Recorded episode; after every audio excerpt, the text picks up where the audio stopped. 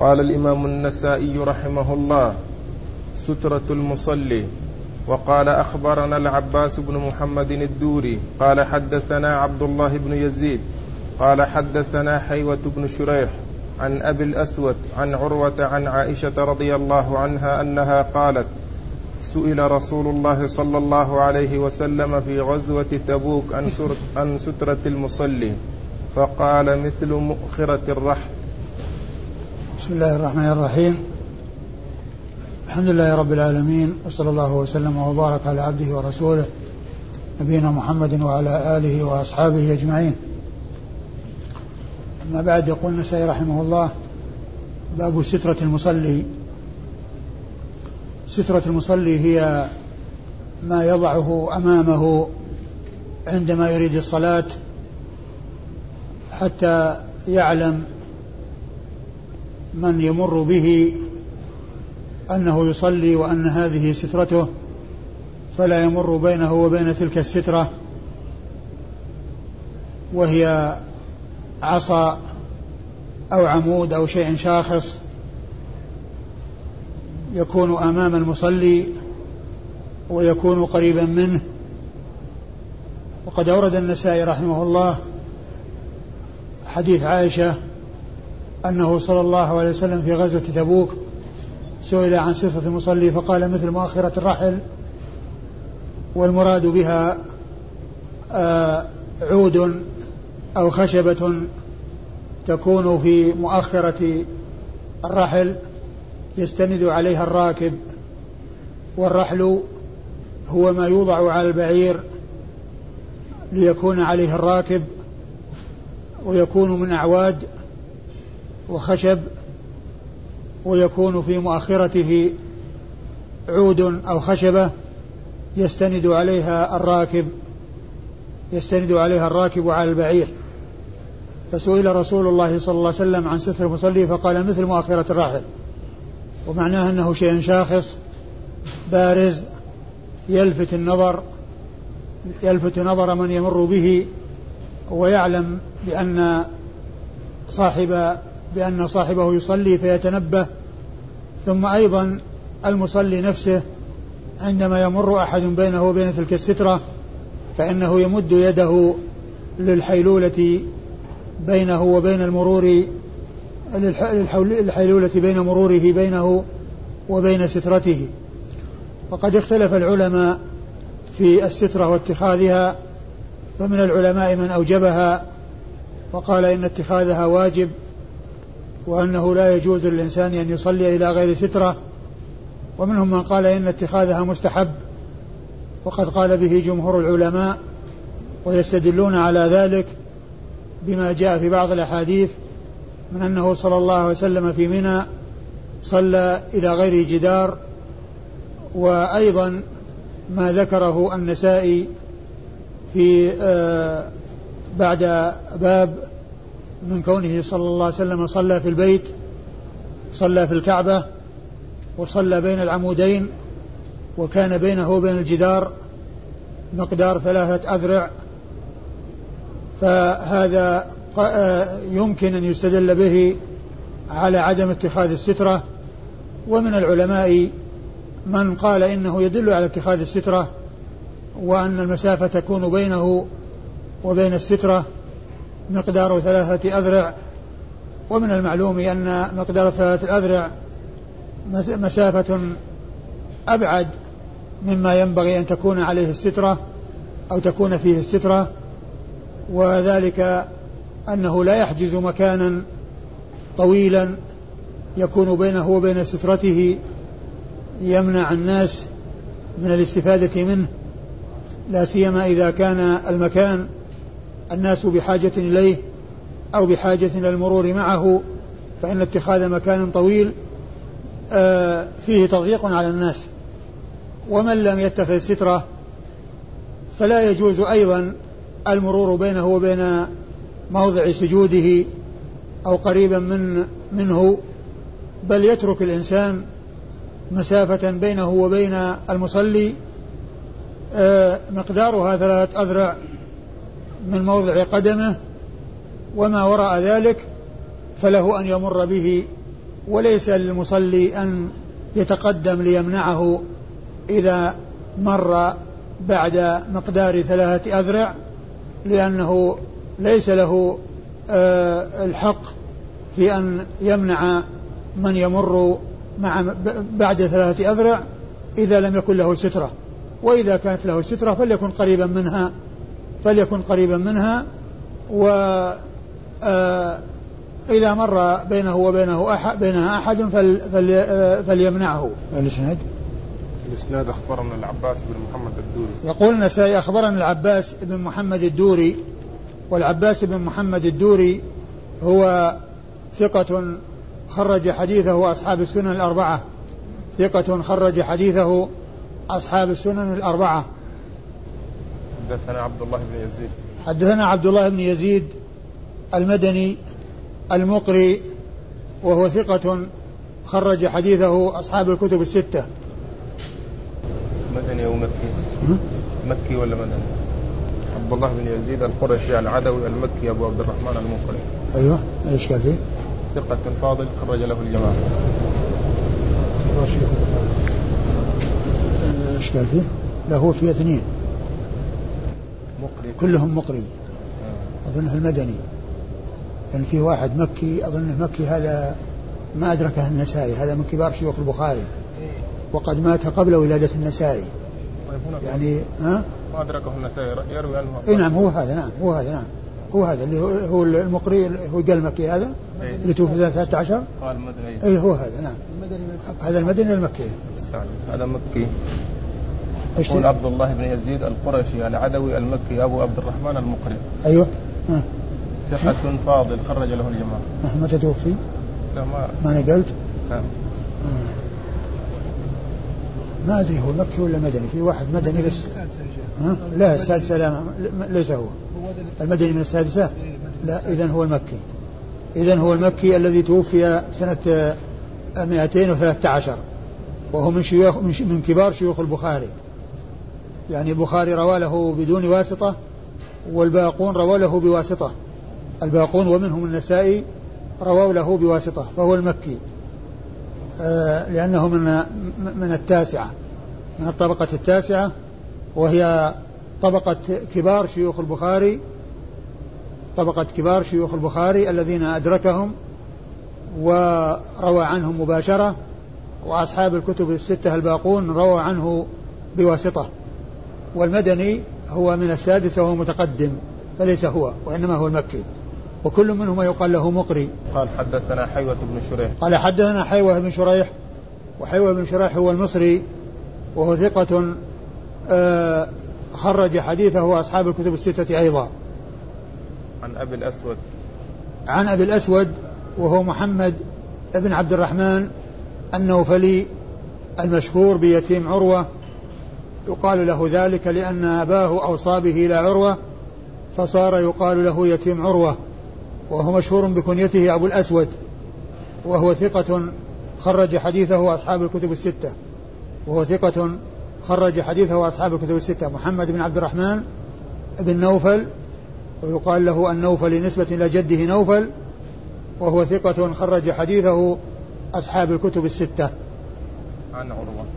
عن عروة بن الزبير بن العوام آه الثقة التابعي الذي هو أحد السبعة الفقهاء في المدينة المشهورين بلقب الفقهاء السبعة وكانوا سبعة في عصر التابعين مشهورين بالفقه في هذه المدينة مدينة رسول الله صلى الله عليه وسلم.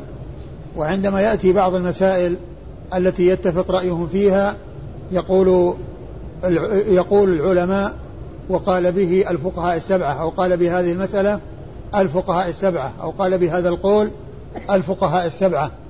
وعروة بن الزبير هو أحدهم وقد ذكرتهم مرارا وتكرارا. وهم عبيد الله بن عبد الله بن عتبة بن مسعود وعروة بن الزبير بن العوام وخارجة بن زيد بن ثابت والقاسم بن محمد بن أبي بكر الصديق وسليمان بن يسار وسعيد بن مسيب هؤلاء ستة متفق على عدهم في الوقاية السبعة والسابع فيه ثلاث أقوال.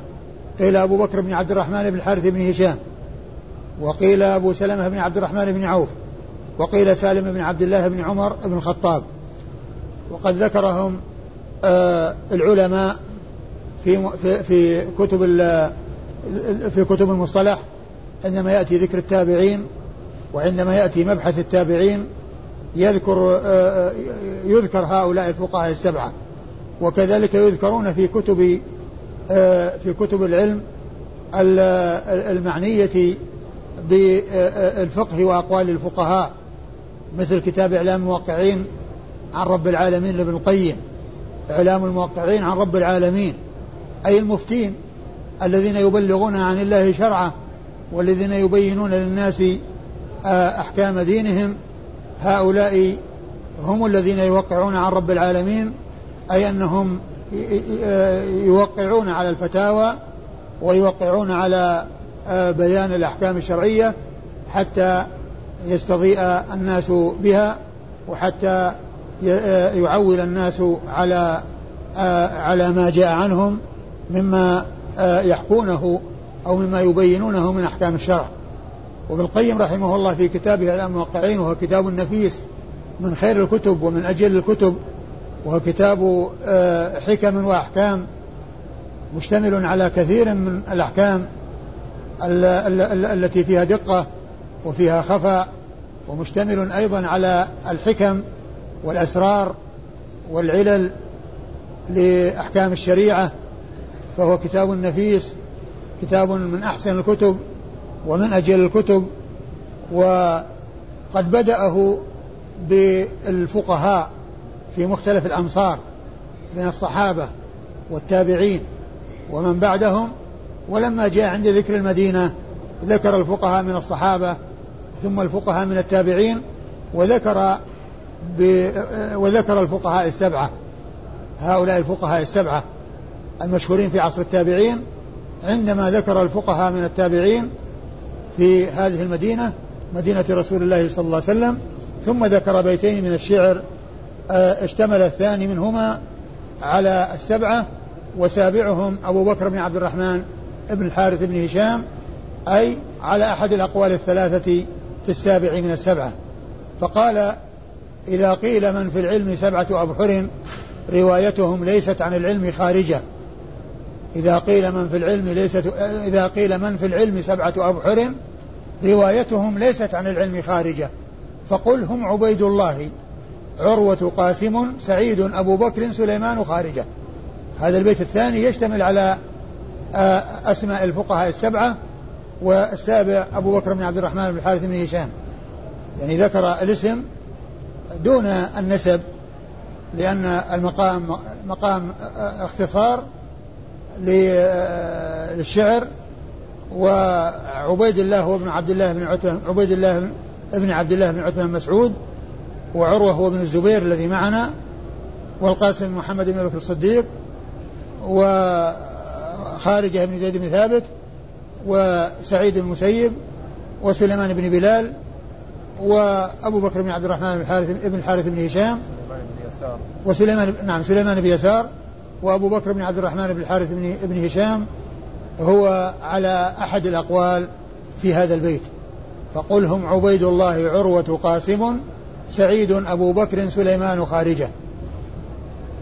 ذكر هذا ابن القيم في أول كتابه إعلام الموقعين. عن رب العالمين.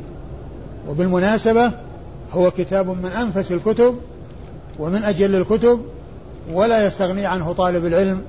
والإنسان إذا قرأ في هذا الكتاب أو قرأ فهرس هذا الكتاب يجد آه العناوين التي تدل على آه العلم وتدل على ما احتواه من العلم وعلى ما اشتمل عليه من الفوائد وهو كما قلت كتاب حكم وأحكام. وحديثه أخرجه أصحاب الكتب الستة الذي عروة بن الزبير.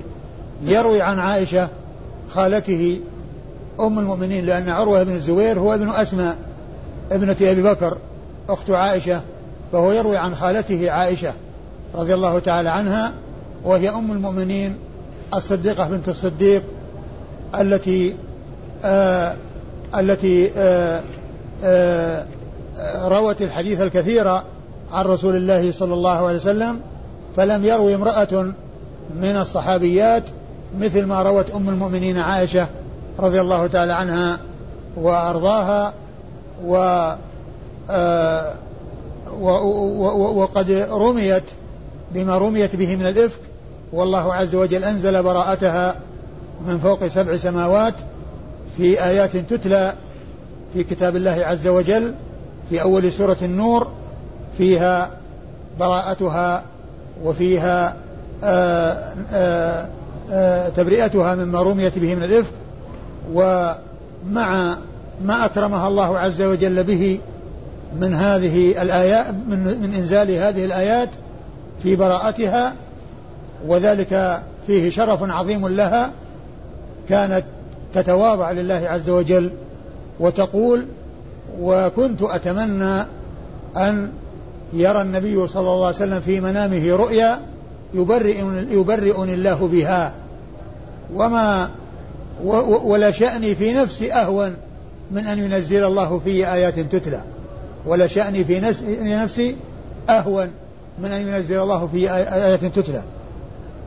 وابن القيم رحمه الله في كتابه جلال الأفهام في الصلاة والسلام على خير الأنام وهو كتاب نفيس هو أحسن ما كتب في الصلاة على الرسول صلى الله عليه وسلم وبيان أحكامها وحكمها وأسرارها فهو كتاب نافع وكتاب مفيد وهو من خير ما كتب في هذا الموضوع.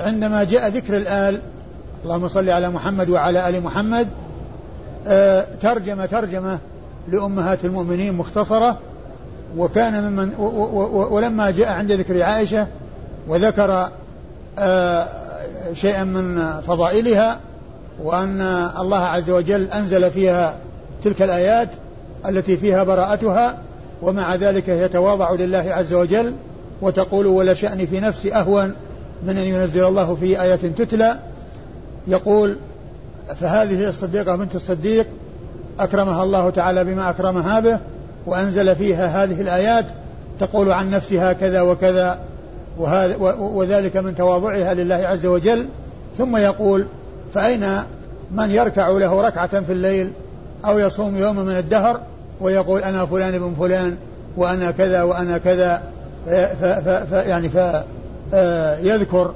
أو يعجب بعمله وعائشة رضي الله عنها وأرضاها. هذا هو الذي عملته هذا هو مع ما أكرمها الله عز وجل به وما أعطاها من الفضل تتواضع لله عز وجل وتقول ولا شأني في نفسي أهون أنا أستحق أن ينزل فيه القرآن؟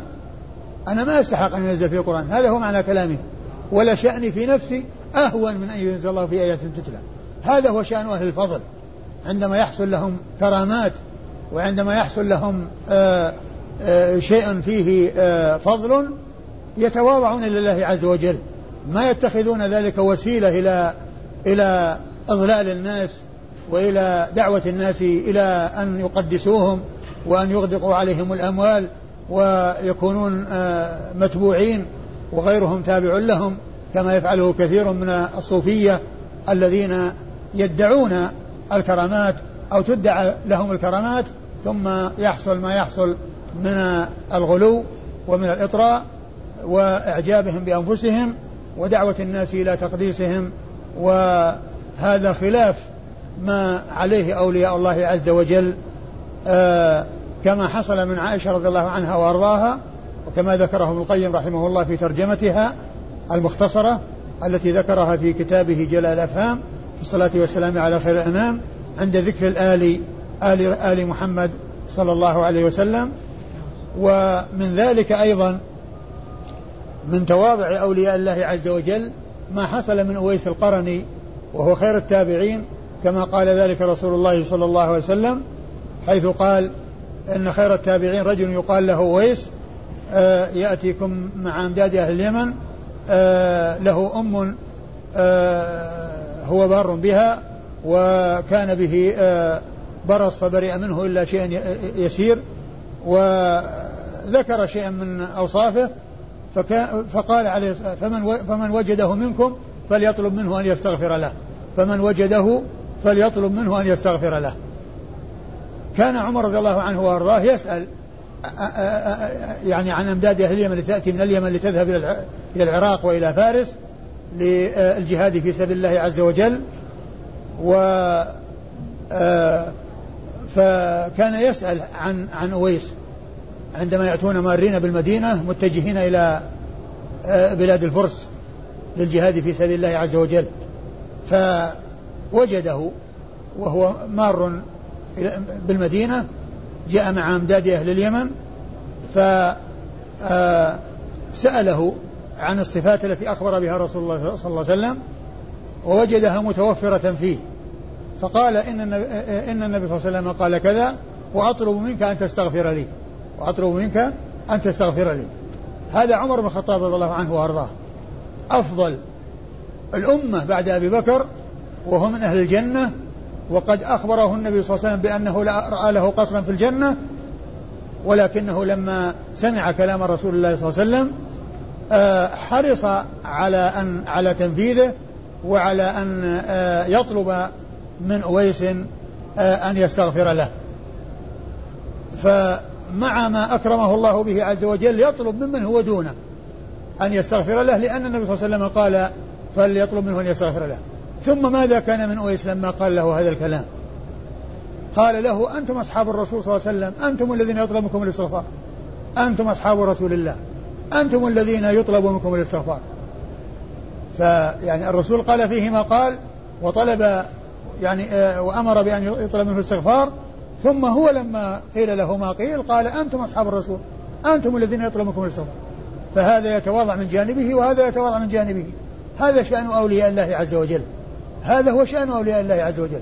ثم قال له أين تذهب؟ قال إلى الكوفة. قال لا أكتب لك إلى أميرها. قال لا دعني أكون في غبراء الناس.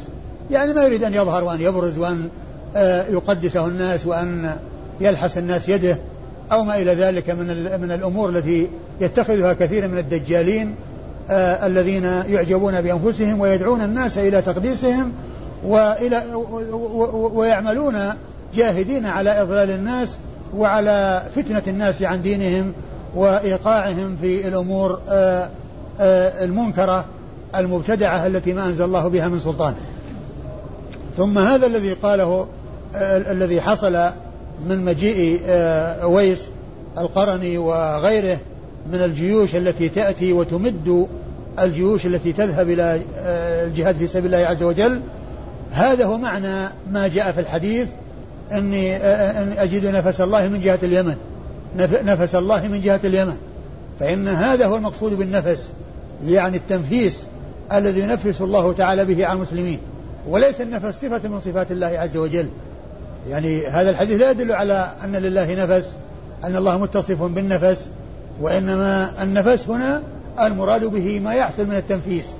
فهؤلاء الجيوش الذين يأتون من جهة اليمن ويذهبون إلى إلى إمداد الجيوش التي تقاتل في سبيل الله هذا هو معنى الحديث الذي جاء في أن أن, أجد نفس الله من جهة اليمن. نفس الله من جهة اليمن ونفس الرحمن من جهة اليمن. هذا هو المقصود بالنفس وليس المقصود به صفة من صفات الله عز وجل آه، قائمة به وإنما المقصود منه هذه آه، هذه الجنود وهذه الجيوش التي ينفس الله تعالى بها على المسلمين بإمدادهم بهؤلاء الذين يجاهدون في سبيل الله عز وجل. آه، عائشة رضي الله تعالى عنها وأرضاها هي الصديقة بنت الصديق التي أكرم الله تعالى بما أكرمها به ومع ذلك تتواضع لله عز وجل. وهذا كما قلت شأن أولياء الله عز وجل فإنهم مع ما أعطاهم الله عز وجل ما أعطاهم فإنهم يتواضعون لله عز وجل. ويخشونه ويخافونه ويقول الله عز وجل عنهم والذين يؤتون ما آتوا وقلوبهم وجلة أنهم إلى ربهم راجعون. والذين والذين يؤتون ما آتوا وقلوبهم وجلة أنهم إلى ربهم راجعون. قال أخبرنا عبيد الله بن سعيد قال حدثنا يحيى عن عبيد الله قال أخبرنا نافع عن ابن عمر رضي الله عنهما عن النبي صلى الله عليه وسلم أنه قال أنه كان يركز الحربة ثم يصلي إليها. عن ابن عمر رضي الله عنهما أنه قال أن النبي صلى الله عليه وسلم كان يركز الحربة ثم يصلي إليها. ثم آه، أورد النسائي حديث ابن عمر وهو أن النبي صلى الله عليه وسلم كان يركز الحربة وهي العصا التي في رأسها حديدة لها حد إذا غمست في الأرض آه، ارتكزت. وغاصت آه، فيتخذها سترة يعني يجعلها آه، أمامه وهو يصلي. وقد جاء في حديث أنس كنت أحمل أنا أنا وغلام نحو إداوة من ماء وعنزة. العنزة هي العصا التي يغرزها إذا أراد أن يصلي يجعلها سترة له. والحديث أورده النسائي في سترة المصلي. وهو واضح الدلالة وأن الرسول صلى الله عليه وسلم كان يغرز الحربة فيصلي إليها يصلي إليها يعني فيجعلها سترة. وهذه كما هو معلوم أعلى من مؤخرة الرحل لأن مؤخرة الرحل قصيرة. والحربة يعني هي عصا يعني يتوكأ عليها فيغرزها وتكون بارزة وتكون سترة. آه، يصلي إليها آه، إذا أقبل عليه أحد يعرف أنه يصلي وأن هذه سترته فلا يمر بينه وبين آه، السترة التي يصلي إليها. وأما إسناد الحديث فيقول النسائي أخبرنا عبيد الله بن سعيد وهو اليشكري السرخسي وهو ثقة مأمون سني وقيل عنه سني لأنه كان أظهر السنة في بلده سرخس. أظهر السنة في بلده وبين السنة وحصل على يديه نفع عظيم فقيل عنه مأمون ثقة مأمون سني وحديثه أخرجه البخاري ومسلم والنسائي. أخرجه البخاري ومسلم والنسائي. يعني لم يخرج يعني أعني لم يخرج له من أصحاب السنن الأربعة إلا النسائي فلم يخرج له أبو داود ولا الترمذي ولا ابن ماجه وقد أخرج له الشيخان والنسائي. عن حدثنا يحيى. حدثنا يحيى وهو ابن سعيد القطان المحدث الناقد المعروف آه كلامه في الجرح والتعديل وحديثه أخرجه أصحاب الكتب الستة. عن عبيد الله. عن عبيد الله وهو ابن عمر ابن حفص ابن عاصم ابن عمر بن الخطاب وهو الذي يقال له العمري المكبر عبد عبيد الله العمري المكبر المصغر تمييزا له عن عبد الله أخيه المكبر. وهذا ثقة ثبت ثقة ثبت وأما أخوه فهو ضعيف الذي هو عبد الله العمري المكبر. وعبيد الله ابن عمر ابن حفص ابن عاصم ابن عمر بن الخطاب المصغر هذا ثقة ثبت خرج حديثه أصحاب الكتب الستة. ثقة ثبت خرج حديثه أصحاب الكتب الستة. يروي عن نافع عن نافع؟ نعم. يروي عن نافع وهو مولى بن عمر وهو ثقة خرج حديثه أصحاب الكتب الستة. عن عبد الله بن عمر صاحب رسول الله صلى الله عليه وسلم وأحد العبادلة الأربعة في الصحابة الأربعة, الأربعة في الصحابة وهم عبد الله بن عمرو وعبد الله بن عمر وعبد الله بن عمرو وعبد الله بن عباس وعبد الله بن الزبير وأحد السبعة آه، من الصحابة المكثرين من رواية حديث رسول الله صلى الله عليه وسلم والذين جمعهم السيوطي في ألفية بقوله والمكثرون في رواية الأثر أبو هريرة يليه بن عمر وأنس والبحر كالخدري وجابر وزوجة النبي.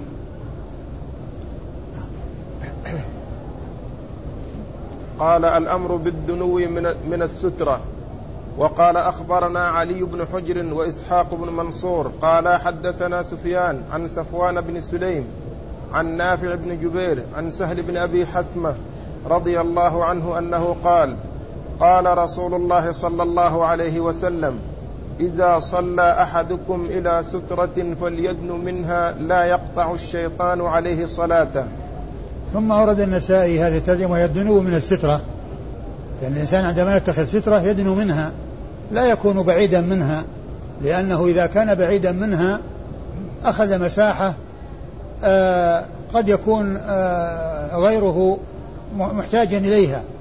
ثم أيضا لا يتنبه إذا كانت السترة بعيدة لا يتنبه إلى سترته مثل ما يتنبه لها إذا كانت قريبة منه. فالرسول صلى الله عليه وسلم قال إذا صلى أحدكم إلى سترة فليدنو منها. إذا صلى أحدكم إلى سترة فليدنو منها. يعني ليكن قريبا منها. لأن المقصود من السترة يعني كونها تصير أمام الإنسان بحيث تكون قريبة من موضع سجوده يمنع من يمر بينه وبين من يمر بينه وبينها.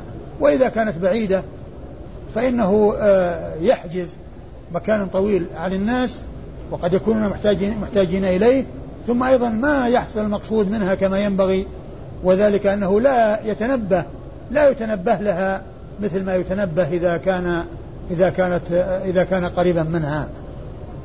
آه، ففيه مشروعية الدنو من السترة وعدم آه، جعل مساحة بينه بين المصلي وبين سترته. أما إسناد الحديث فيقول النسائي أخبرنا. تكملة الحديث لا يقطع الشيطان عليه الصلاة. لا يقطع عليه لا يقطع الشيطان عليه صلاته. يعني المقصود بالقطع كما هو معلوم. يعني آه، نقصها أو حصول خلل حصول خلل فيها. أخبرنا علي بن حجر وإسحاق بن منصور. أخبرنا علي بن حجر وإسحاق بن منصور.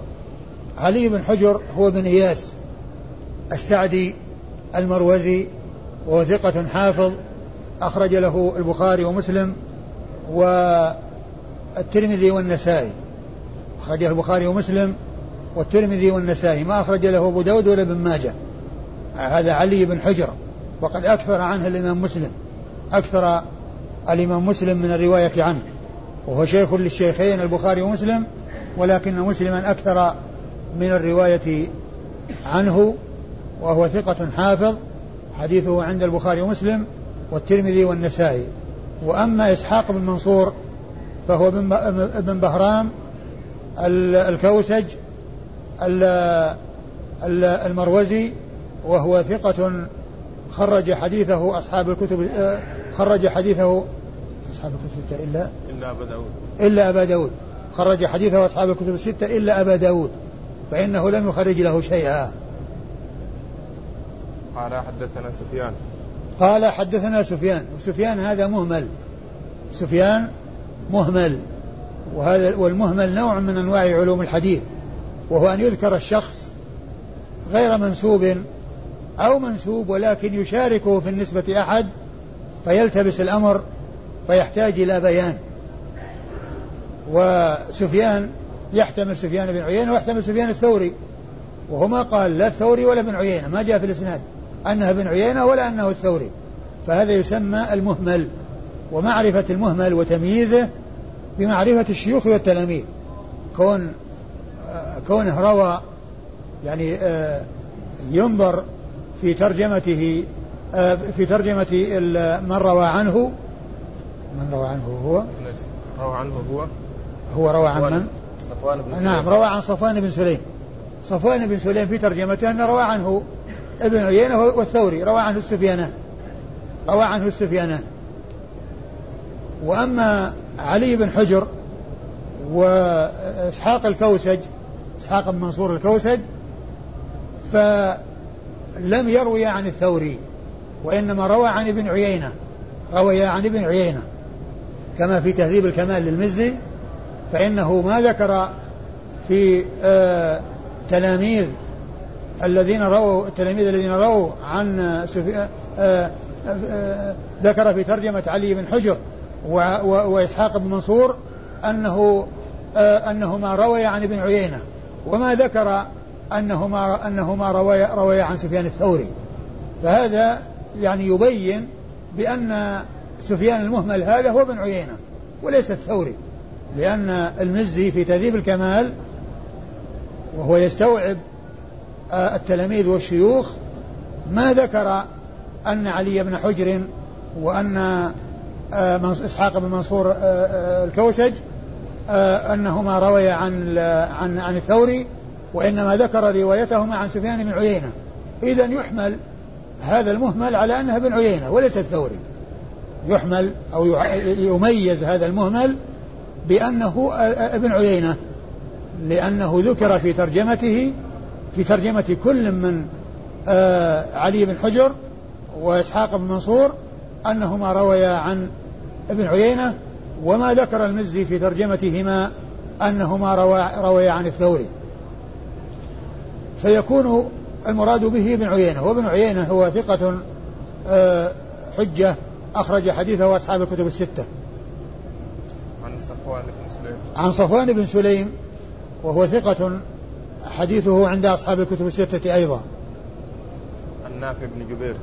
عن نافع بن جبير ابن مطعم ابن نوفل وهو آه وهو ثقة خرج حديثه من؟ الجماعة أيضا. خرج حديثه أصحاب الكتب الستة. نافع بن جبير بن مطعم النوفلي وحديثه أخرجه أصحاب الكتب الستة. ثقة أخرج حديثه أصحاب الكتب الستة. عن سهل بن أبي حثمة. عن سهل بن أبي حثمة الأنصاري آه، صاحب رسول الله صلى الله عليه وسلم وهو صحابي صغير له أحاديث قليلة آه، ذكر في خلاصة تذهيب الكمال أنه أن أن له خمسة أن له خمسة وعشرين حديثا اتفق البخاري ومسلم منها على ثلاثة أحاديث وحديثه عند أصحاب الكتب وحديثه عند أصحاب الكتب الستة. نعم. قال مقدار ذلك. وقال أخبرنا محمد بن سلمة والحارث بن مسكين قراءة عليه وأنا أسمع. عن ابن القاسم قال حدثني مالك عن نافع عن عبد الله بن عمر رضي الله عنهما أنه قال إن رسول الله صلى الله عليه وسلم دخل الكعبة هو وأسامة بن زيد وبلال وعثمان بن طلحة الحجبي فأغلقها عليه. قال عبد الله بن عمر فسألت بلالا حين خرج ماذا صنع رسول الله صلى الله عليه وسلم. قال جعل عمودا عن يساره وعمودين عن يمينه وثلاثة أعمدة وراءه وكان البيت يومئذ على ستة أعمدة. ثم صلى وجعل بينه وبين الجدار نحوا من ثلاثة أذرع. ثم أورد النسائي هذه الترجمة وهي مقدار ذلك يعني مقدار السترة. يعني والمقصود من ذلك آه يعني معناه أن الحد الأقصى لها. يعني معناه أن الحد الأقصى لها وليس الحد الأدنى بل الحد الأدنى يعني يكون أقل من هذا لأن ثلاثة ثلاثة الأذرع يعني آه، آه، فيها مسافة بينها وبين رأس المصلي إذا سجد. يعني بين بين نهاية الثلاثة الأذرع من قدمه يعني إذا سجد يكون هناك مسافة بينه وبين السترة. فلعل النسائي يريد بذلك مقدارها يعني الحد الأبعد يعني الذي المسافة البعيدة أو القصوى. وكما قلت يمكن أن يكون الحديث لا يدل على اتخاذ السترة بل يدل على عدم اتخاذ السترة بل يدل على عدمها لأن الرسول صلى الله عليه وسلم صلى بين العمودين وبينه وبين الجدار ثلاث أذرع. بينه وبين الجدار ثلاث أذرع يعني معناه يحتمل أنه ما كان اتخذ سترة. ما كان اتخذ سترة لأنه صلى بين العمودين مع أن صلاته وراء العمود بين العمود وبين الجدار كافية لأن يعني يكون آه، السجود والصلاة بين العمود والجدار. لكنه صلى بين العمودين وكان بينه وبين الجدار الذي أمامه ثلاث أذرع. فيحتمل أن يكون هذه سترة ولكنها بعيدة ويحتمل أنه ما صلى إلى سترة بل آه، صلى إلى غير سترة. و ال أورد النسائي حديث عبد الله بن عمر رضي الله تعالى عنهما أن النبي صلى الله عليه وسلم لما دخل الكعبة ومعه أسامة بن زيد وبلال وعثمان بن طلحة الحجبي يعني حاجب الكعبة وسادن الكعبة فأغلق عليهم الباب بعدما دخلوها. فلما خرج فتح الرسول وخرج سأل عبد الله بن عمر ما صنع رسول الله, رسول الله صلى الله عليه وسلم؟ فقال بلال إنه صلى آه يعني آه جعل عمودين عن يمينه وعمودا عن يساره وذ... عمودا عن يمينه عن يساره. عمودين عن يمينه. أيوة الأول. وعمودا عن يساره. أي نعم الأول. عمودا عن يساره وعمودين عن يمينه وثلاث أعمدة وراءه وصلى قلت كم كان بينه آه، قلت قال وكان البيت يومئذ على ستة أعمدة. لا نعم ما في قلت. لا لا ثلاثة أذرع ما في قلت.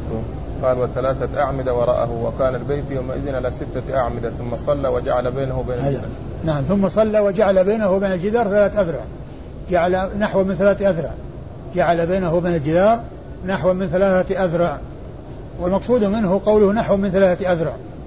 يعني معناه أنه جعل بينه وبين الجدار الذي هو السترة نحو من ثلاثة أذرع وهذا على أنه اتخذ سترة يعني معناه أن آه، آه، مقدار السترة الحد الأقصى لها الذي يعني آه، لا لا تزاد عنه ويحتمل أن يكون ما صلى إلى سترة لأن هذه مساحة مسافة بعيدة يعني ومحل سجوده بينه وبينه بين بين الرأس وبين الجدار مسافة يعني فيحتمل أن يكون صلى إلى غير سترة ويحتمل أن يكون صلى إلى سترة ولكنها بعيدة. وصلاة الرسول صلى الله عليه وسلم في الكعبة آه يعني أكثرها وراءه أكثرها عن يمينه وعن وراءه. والذي أمامه هو الأقل منها.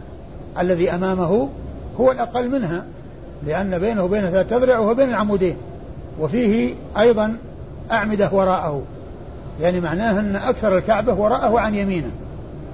وجاء في بعض الروايات كما في الصحيحين قال صلى بين العمودين اليمانيين وهو مطابق لهذا مطابق لهذا يعني معناه أنه لما دخل مع الباب يعني تقدم وصلى يعني في جهة الباب يعني بين العمودين اللي ليست قريبة من الباب وإنما هي البعيدة التي أمامه. فصار أكثر الكعبة أما وراءه وعن يمينه ليس أكثرها أمامه. ليس أكثرها أمامه.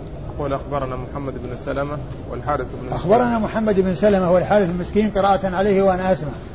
محمد بن سلمة هو المرادي المصري وهو ثقة خرج حديثه آه، مسلم وأبو داود. مسلم وأبو داود. والنسائي وابن ماجه. مسلم وأبو داود والنسائي وابن ماجه.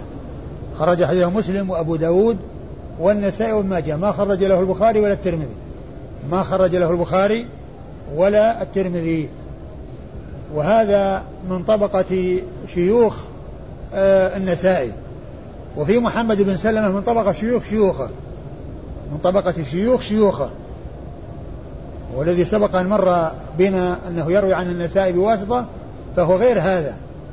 لأن هذا من طبقة شيوخه وذاك من طبقة شيوخ شيوخه لأنه من الطبقة التاسعة وأما هذا فهو من من الطبقة العاشرة الذي هي طبقة شيوخ شيوخ النسائي. والحارث بن مسكين. والحارث المسكين الحارث المسكين هو المصري وهو أيضا ثقة فقيه. خرج حديثه آه، الترمذي والنسائي. خرج حديثه أبو داود. أبو داود والنسائي. خرج حديثه أبو داود والنسائي. وحرصه على التلقي وعلى وعلى الأخذ فكان يجلس من وراء ستار ولا يدري عنه الحارث المسكين فيسمع آه الحديث ويرويه عنه بذلك. وهذا سائغ وجائز عند المحدثين ويقولون إنه ليس من شرط الرواية أن يقصد المحدث اسم آه، آه، آه، إسماع الراوي عنه. فلو سمع فلو فلو قصد إسماع غيره وما قصد إسماعه هو ولكنه سمع فإنه له أن يروي بهذه الطريقة. أيوه. عن ابن القاسم وابن القاسم هو عبد الرحمن بن القاسم صاحب الإمام مالك الفقيه وحديثه هو ثقة أخرج حديثه البخاري وأبو داود في المراسيل والنسائي. عن مالك. عن مالك بن أنس إمام دار الهجرة المحدث الفقيه صاحب المذهب المعروف وحديثه عند أصحاب الكتب الستة. عن نافع. عن نافع وهو مولى ابن عمر آه وقد مر ذكره قريبا وهو ثقة حديثه عند أصحاب الكتب الستة. وعبد عن ابن عمر وقد مر ذكره قريبا. وهذه وهذه السلسلة التي هي مالك عن نافع عن ابن عمر هي التي يقول عنها البخاري إنها أصح الأسانيد. والله تعالى أعلم وصلى الله وسلم وبارك على عبده ورسوله نبينا محمد وعلى آله وأصحابه أجمعين.